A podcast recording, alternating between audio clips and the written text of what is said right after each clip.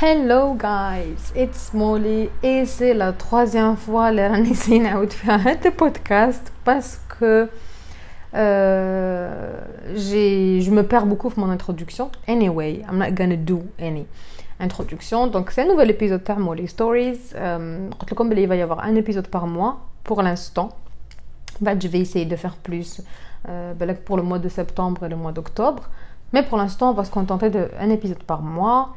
Euh, je vous ai dit la dernière fois que à l'affaire O.J. Simpson, mais malheureusement j'ai perdu les notes que j'ai prises pour cette affaire.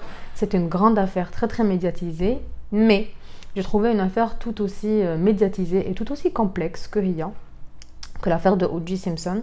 En plus de ça, c'est une affaire récente, c'est en 2011, bon, mais 2006 2011, donc ça va, c'est pas très vieux. Et euh, c'est une affaire très compliquée, comme il y a beaucoup de détails, très complexes. Donc, euh, Ida, comme un truc en même temps, arrêtez de faire ce que vous êtes en train de faire et je vous demande de vous concentrer, Maya.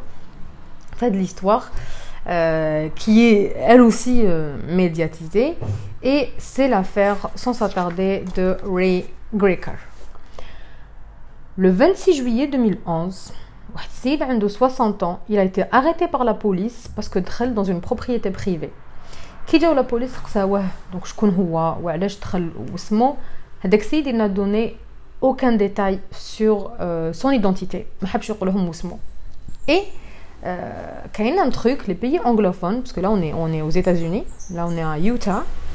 donc, Hedek Siyid, il n'a pas voulu donner son identité. Ou les pays anglophones qui يلقاو شخص par exemple جثة ميتة ولا يلقاو بنادم ناس ديف ما حبش يقول اسمه ولا ما يعرفش اسمه يسميوه جون دو يعني كي تكون مرة يسموها جين دو تسمى هاد السيد سماوه جون دو حطوا لا فوتو تاعو في لا تيليفزيون في لي جورنو سور انترنت وبداو الناس يعيطوا لهم. كل واحد واش يقول؟ كاين اللي يقول لهم باللي هذا سي فرانك موريس فرانك موريس هو ليفادي تاع الكاتراز مي بون ان 2011 ليفادي تاع الكاتراز كان عنده 92 سنة هذا عنده 60 طون كاين اللي يقول لهم باللي سي دي بي كوبر سي ان بيرات اللي تبحر 1971 بصح يافي ان برينون اللي كان يعاود يولي تري تري سوفون اي سي لو نون راي غريكر Donc Ray Greker, c'est un homme, qui en 2006, euh, plutôt en, 2000, euh, 2006 je crois. Oui, donc c'était un homme, qui en, en 2005-2006.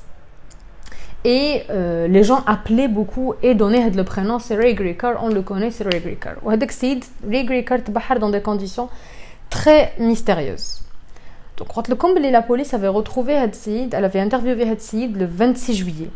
Il faut savoir que le 25 juillet, la veille تاع وين بان هاد le monsieur اللي هو John Doe on va l'appeler John Doe au début euh, la veille donc win la police a décidé d'interviewer John Doe donc le 25 juillet l'état à la Pennsylvanie avait déclaré Ray Greker officiellement mort دركا شكون هذا راي جريكر وش يكون وش يدير وكيفاش حتى تبحر وعلاش Ray Greker, c'est une personnalité très publique aux États-Unis. Donc, euh, Zaïd, en 1945, à Cleveland, Ohio, et il a passé donc euh, un petit peu la moitié de sa vie de mec. Bah, il a eu un doctorat en droit. Il a exercé le métier d'avocat pendant quelques années. Au في 1985 ولا يقري في l'université de Pennsylvanie وتزوج Barbara. L'avocat avait décidé de euh, sa femme et euh, parce qu'elle faisait des études un peu euh, ailleurs, donc euh, en, dehors de la Pennsylvanie. Et donc, ouais, il a décidé de la suivre et il a décidé d'être un homme au foyer pour s'occuper de leur petite fille, Liusma Lara, et que le couple venait d'adopter. Donc, c'était pas leur fille, c'était une fille adoptive. ça, sa nouvelle carrière de papa, m'a parce que dès que le haqq un petit peu en dehors de, la Pennsylvanie, on lui avait offert un emploi, lui il pouvait pas le refuser et c'était euh, l'emploi euh, euh, comment on appelle ça? Procureur. Donc on lui avait, on lui avait proposé le, métier donc de procureur et du coup il pouvait pas refuser donc il l'avait pris. Et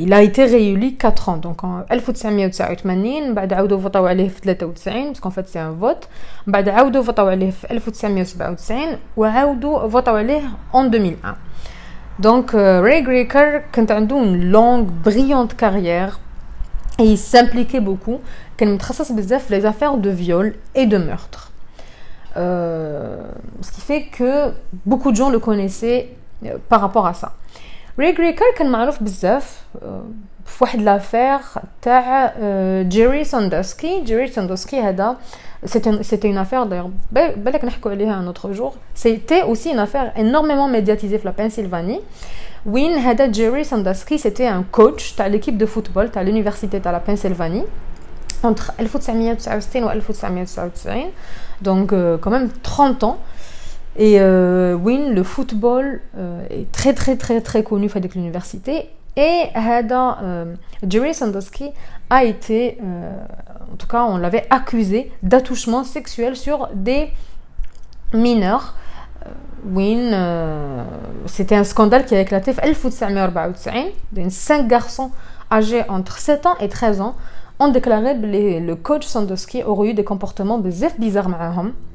ودونك لا مامون تاع واحد لونفون اللي كان في عمره 11 ans هذاك الوقت واسمه زاك avait porté plainte contre Jerry Sandusky parce que son fils lui avait dit que le coach euh, l'avait forcé باش يدوش معاه et Sandusky avait affirmé بلي en effet il avait pris une douche مع هذا le petit garçon mais que rien ne s'était passé finalement Ray Greker avait décidé donc c'était une très très très très longue enquête et euh, Ray Greker bizarrement avait décidé de ne pas poursuivre Sandusky pour des raisons euh, qu'on ignore jusqu'à aujourd'hui. Donc on ne sait pas pourquoi Ray Greker avait décidé euh, de, euh, d'arrêter de poursuivre cette l'affaire.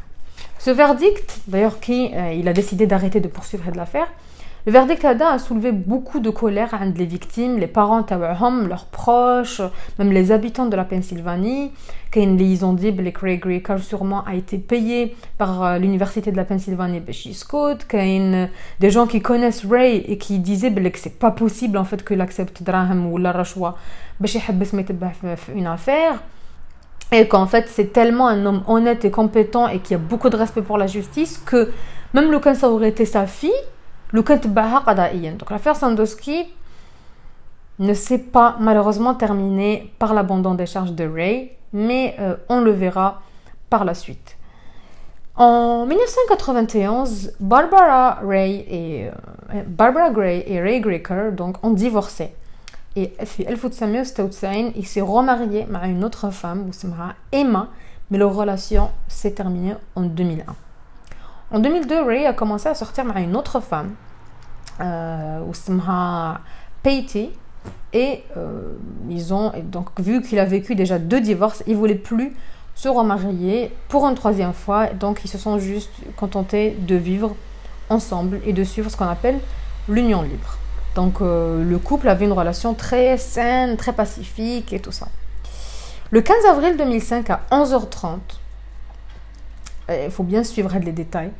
Donc le 15 avril 2005 à 11h30 راي عيط لباتي وقال لها بلي ما راحش يجي اليوم وبيو قال لها بلي ماهوش رايح يخدم donc c'était une belle journée de printemps 15 avril et tout ça euh, une très belle journée et tout Ray a décidé de conduire sa Mini Cooper كانت عنده Mini Cooper وراح la campagne pour faire les magasins d'antiquité parce que c'était quelqu'un qui était qui aimait beaucoup l'antiquité et tout ce qui était vieux bien qu'il soit très très passionné de son travail هذاك النهار il a décidé باش ما يروحش et c'était pas la première fois d'ailleurs euh, ça lui arrivait des fois d'appeler le boulot, de dire Blake aujourd'hui, je ne peux pas venir. Et donc il a décidé de. Donc il avait dit à sa petite amie Blake la journée ensemble. Euh, alors, Ray Greker déjà, euh, c'était. c'était. il, avait prévoyé en fait de ne pas se présenter en 2005 parce que Votawale en 2001. 4 ans après donc lui il avait dit que je ne veux pas qu'on vote sur moi. Je ne vais pas me présenter à Aslan en, 2005 pour être procureur, mais il avait décidé de prendre sa retraite à 59 ans, donc il lui restait que 8 mois à la retraite en 2005. La retraite de Ray, donc et euh, lui il était super content parce qu'il voulait plus travailler, il avait décidé de, mener une vie paisible, moi sa retraite. Et donc il s'est dit, voilà, je vais me permettre quelques, jours de, congé et tout. Et en plus de ça, il touchait donc une paye euh, à six chiffres. Et même sa retraite, elle allait continuer à être une retraite de six chiffres. Ce qui fait que lui et Patty allaient vivre une vie euh, très confortable durant des années, qu'on a des futurs projets, qu'on a beaucoup de projets de voyage en Europe et tout ça. Donc ce jour-là, le 15 avril 2015, 2005, pardon, après le travail, Patty donc, est partie au gym. donc pour manger à midi et elle devait retrouver Ray. En arrivant chez elle, elle avait constaté que Ray ما كانش في الدار donc مازال ما دخلش alors que قالها بلي qu'en fait راح ندخل à midi ومن بعد نعاودو نخرجوا كيف كيف. Donc elle avait constaté que ما دخلش للدار, c'est très bizarre. Et donc, c'était pas son genre de pas lui donner des nouvelles. Bon, ben, son téléphone, batterie faible ou là. Et elle avait décidé de. Son téléphone sonnait, mais il répondait pas. Donc, euh, au bout d'un moment, elle tombe sur, sur sa messagerie. Vers 23h, euh, elle a décidé d'appeler 911.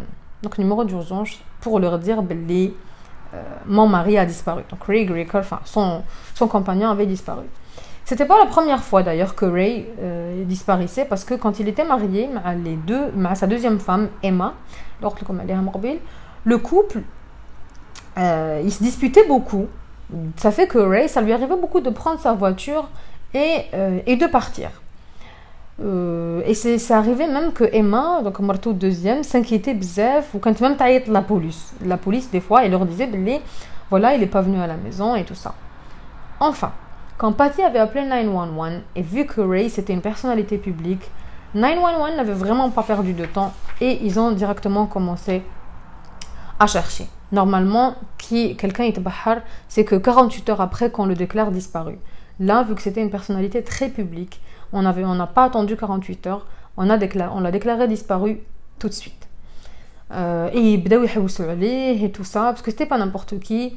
Donc, quand même, c'était un procureur, euh, ça fait que c'était quelqu'un, les des ennemis, des gens qui, qui lui voulaient du mal et tout ça. Et on a commencé à interroger Patir, non, je ne me suis pas disputé avec lui. Euh, c'était très bizarre.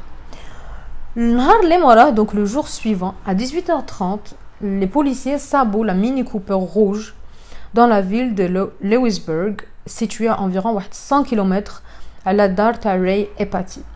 La voiture quand stationnée قدام une boutique d'antiquité ماشي بعيدة على واحد لا ريفيير وكانت مغلوقة donc غير فتحوا لها la police les portes غير فتحوا البيبان ils ont ils ont ils ont ils ont forcé ils ont ouvert les portes et tout il y avait une odeur horrible à les cigarettes.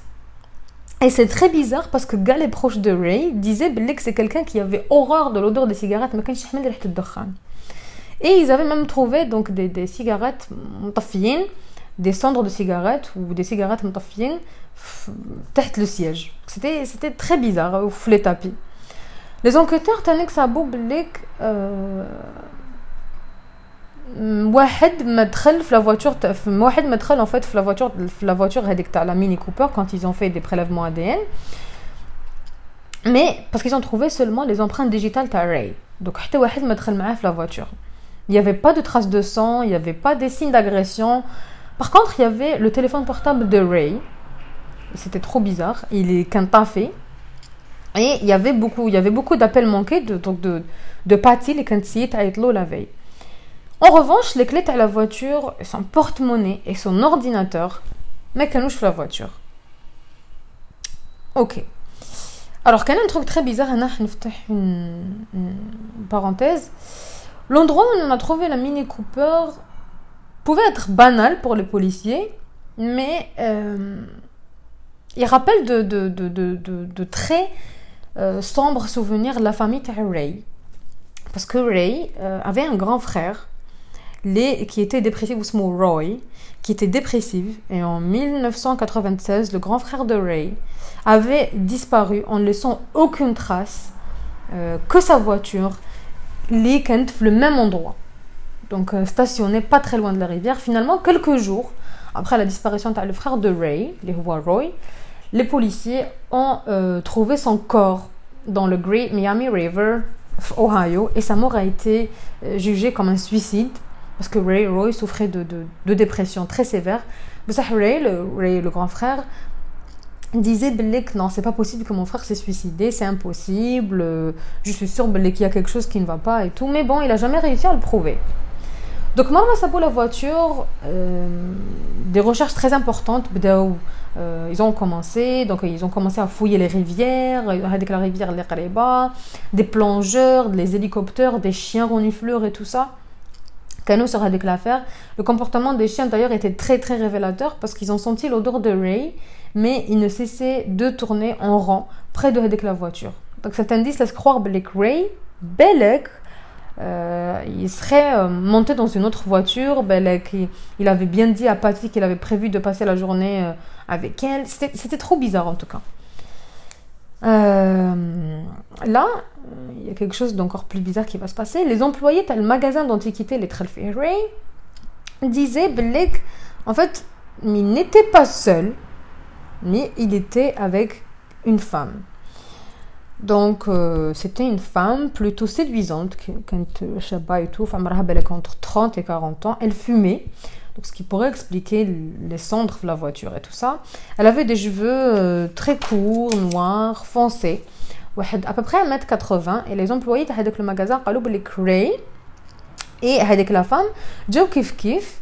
Mais c'est très bizarre parce que une relation ils n'étaient pas très proches ou là ils ne se touchaient pas ils ne se parlaient pas beaucoup euh, quand le le magasin chacun de son côté et que la femme mystérieuse n'a jamais été retrouvée malgré les nombreux appels à témoins qui ont été lancés la famille Ray ما la moindre idée شكون هي هذيك المرأة depuis le 15 avril euh, aucune transaction donc, euh, les comptes bancaires de Ray a été effectué. Aucun mouvement d'argent euh, sera fait le compte Tao, parce que directement, on va aller fouiller les, banques, les, les, les relevés de banque, ce sera un truc, qu'il est dans un autre département, histoire de savoir où on est.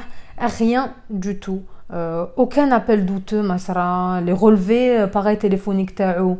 Rien du tout. On a mis beaucoup de personnes de son entourage sous écoute, mais il y avait absolument rien. Bon, Ray Greker, quand a euh, une réputation c'était un homme à femme Parce qu'il savait qu'il était très séduisant, donc quand il plaît aux femmes. Donc il jouait de ça, il aimait beaucoup faire rougir les femmes et tout. Au début des années 2000, il a spontanément proposé l'infirmière qu'il connaissait à peine quelques temps. Bon, il a refusé. Ray Greker avait pris l'habitude d'aller manger le même restaurant chaque semaine وكانت كاينه واحد لا سيرفيس كان يقول لهم دائما باللي جو فو être servi par la serveuse il l'affectionnait particulièrement en fait on sait pas pourquoi mais c'est comme ça Bon, le 15 avril, mais ce n'est que le 30 juillet, quelques mois après sa disparition, que Ray, euh, que une nouvelle piste.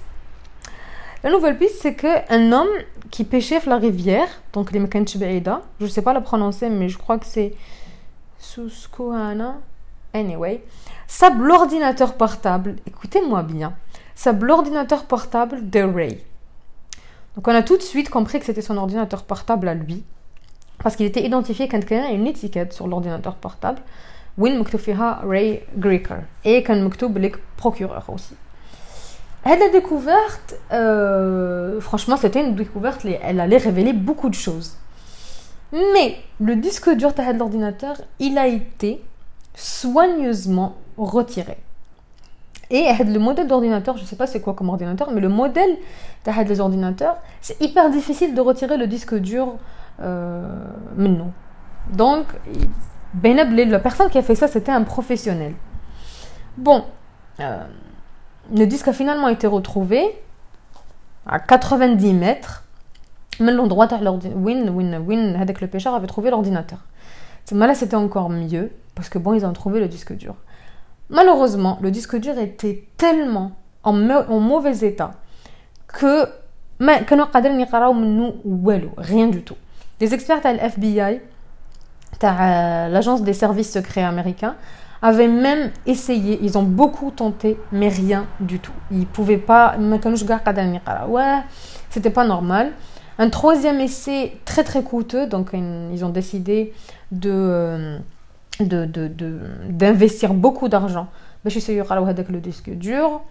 Euh, donc c'était un essai coûteux qui a été lancé en, envoyant le disque dur à Crawl on Track. C'est une compagnie qui avait réussi à récupérer des données provenant des boîtes noires de la navette spatiale Columbia, ayant explosé en 2003.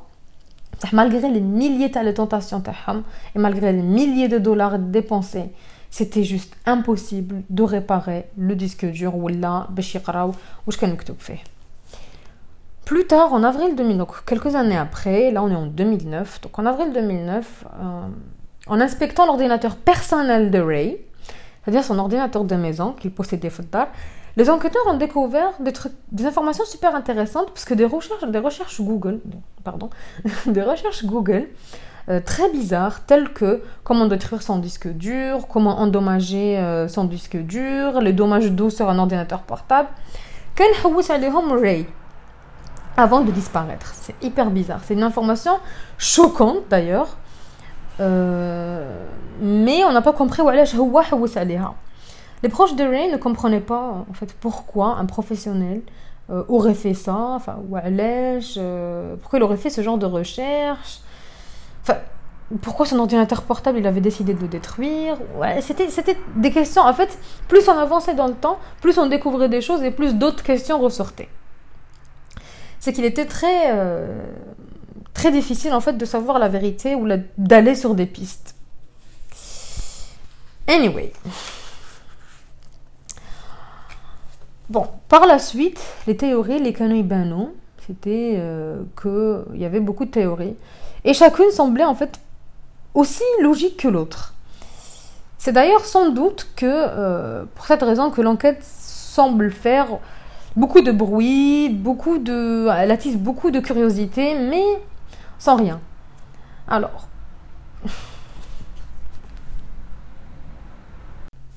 plusieurs personnes Rollo Blake Ray avaient euh, décidé de disparaître euh, Pourquoi il disait ça في 1999 كان كان واحد l'écrivaine اسمها Pamela West et euh, elle avait donc دخلت en contact مع Ray parce qu'elle voulait écrire واحد le roman basé sur une affaire criminelle sur laquelle le procureur Ray avait déjà travaillé.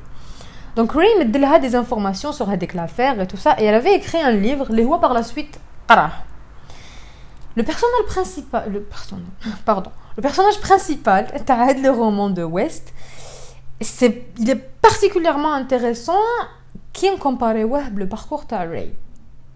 Parce que euh, Head donc le personnage principal, c'était un détective qui avait décidé de mettre en scène sa propre mort. Donc c'était un, détective qui a décidé d'orchestrer, d'orchestrer une mort, mais euh, euh, de, acting dead.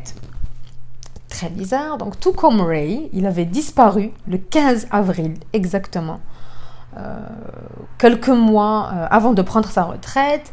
L'histoire s'arrête en Pennsylvanie. Le détective donc le personnage principal, il avait une Mini Cooper euh, rouge. donc, aussi un truc très bizarre. Pareil que les, les, policiers ont ouvert la voiture, il y avait des cendres de cigarettes. Oh il ne fumait, il ne fumait pas. Beaucoup de trucs semblables. Le, le personnage T'as l'écrivaine Pamela qui ressemblait beaucoup l'histoire de Ray Greker. Et c'est super troublant. C'est très très troublant euh, parce que tout se ressemblait. Donc les policiers ont découvert en effet que Ray Greker avait le livre dans la bibliothèque Tao.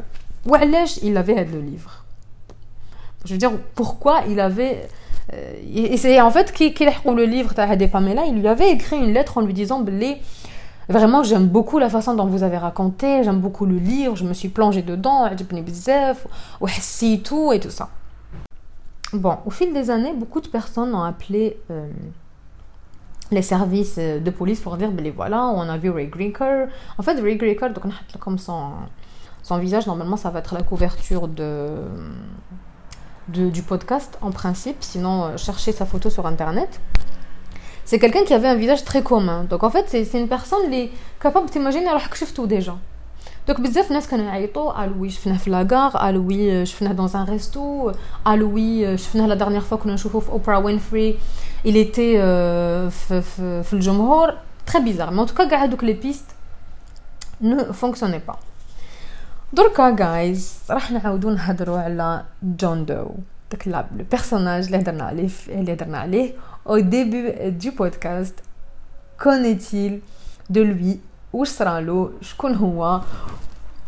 En fait, en juillet 2011, donc quand on a avec l'homme mystérieux, euh, les euh, début, les internautes directement ils ont tout de suite été emballés à dire que oui, c'est Ray Greer, c'est Ray sauf que les proches de Ray, euh, ils, restaient sur leur garde parce que pendant 6 ans, ça m'a beaucoup de gens dire Blake, oui, c'est lui, euh, on l'a aperçu et tout ça donc ils n'étaient pas très très chauds à l'idée de savoir que c'était lui. Pourtant, il est bien vrai que John Doe, Heda, lui ressemble beaucoup. La même taille, le même poids, euh, les lèvres, euh, les rides, les mêmes endroits. Mais les tests ADN ont confirmé que ce n'était pas Ray Greker. Désolé de vous décevoir, mais ce n'était en aucun cas lui.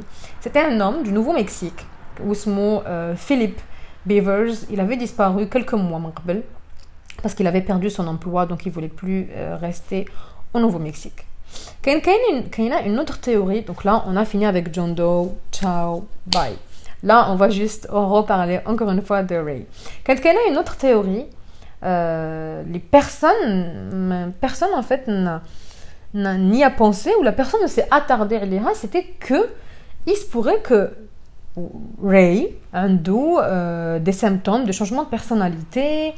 Belek, il a des troubles de mémoire. Euh, Belek, c'est quelqu'un de sénile. Belek, Belek, il a des euh, Surtout que son frère avait, comme déjà, euh, une dépression très sévère. Donc, Belek, quand il a une dépression.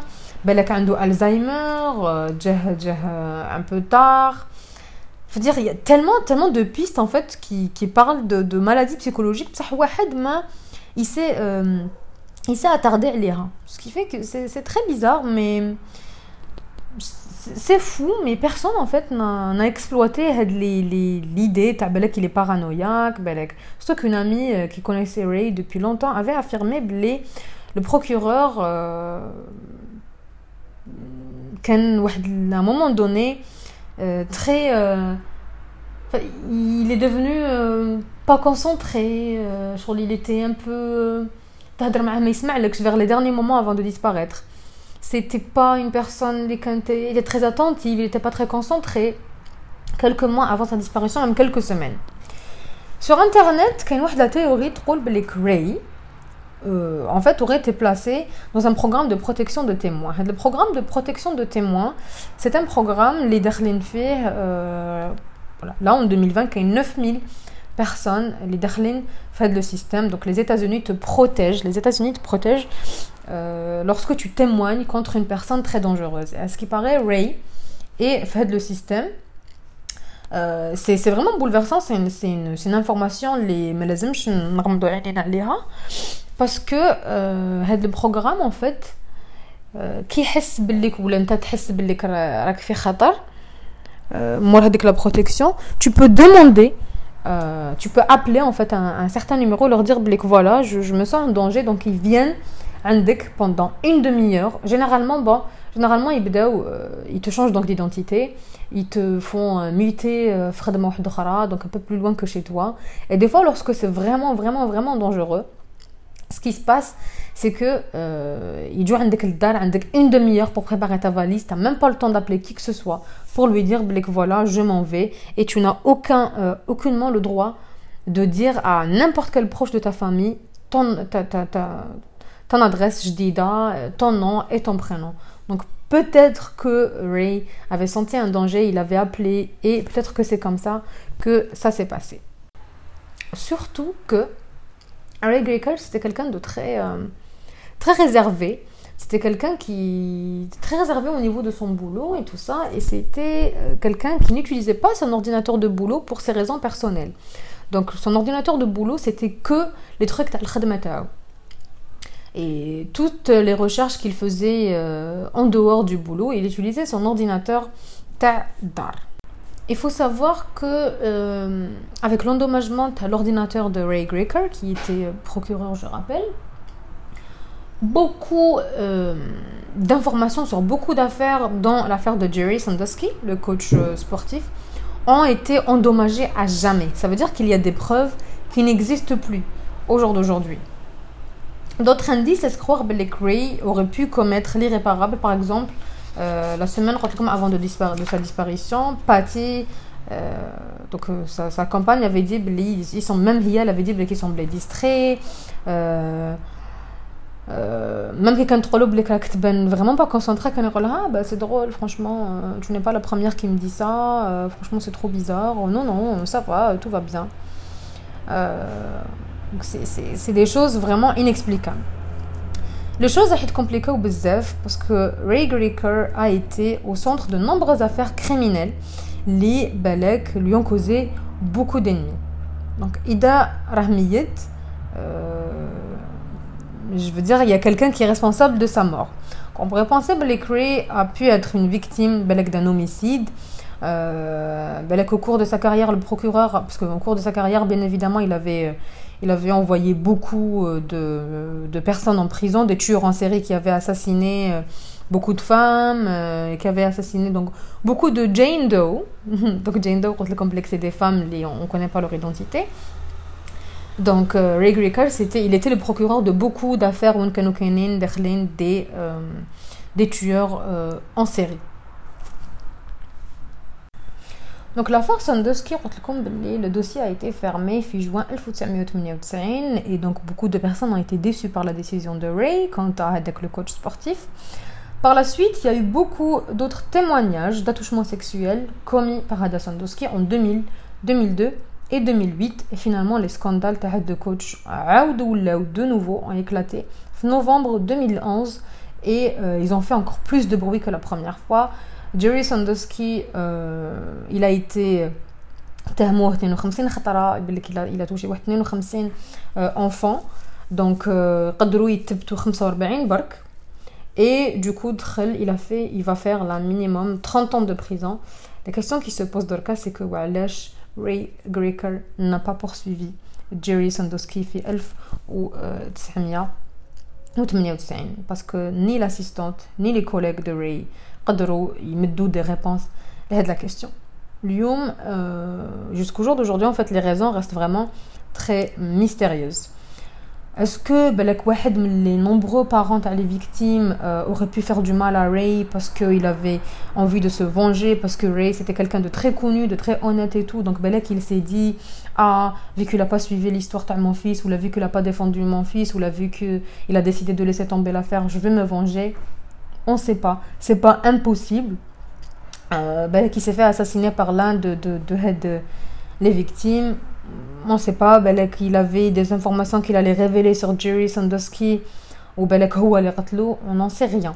Mais euh, en tout cas, ça peut expliquer où on a décidé de se débarrasser de son ordinateur ou là de l'endommager. Fi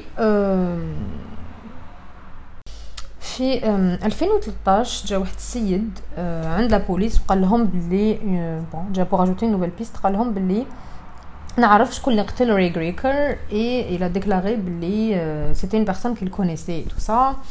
Ou pour se venger parce que ري غريكر كان دخل هذاك السيد للحبس دونك هذاك السيد ما خرج من الحبس جا باش باش خرج من الحبس وقتلو.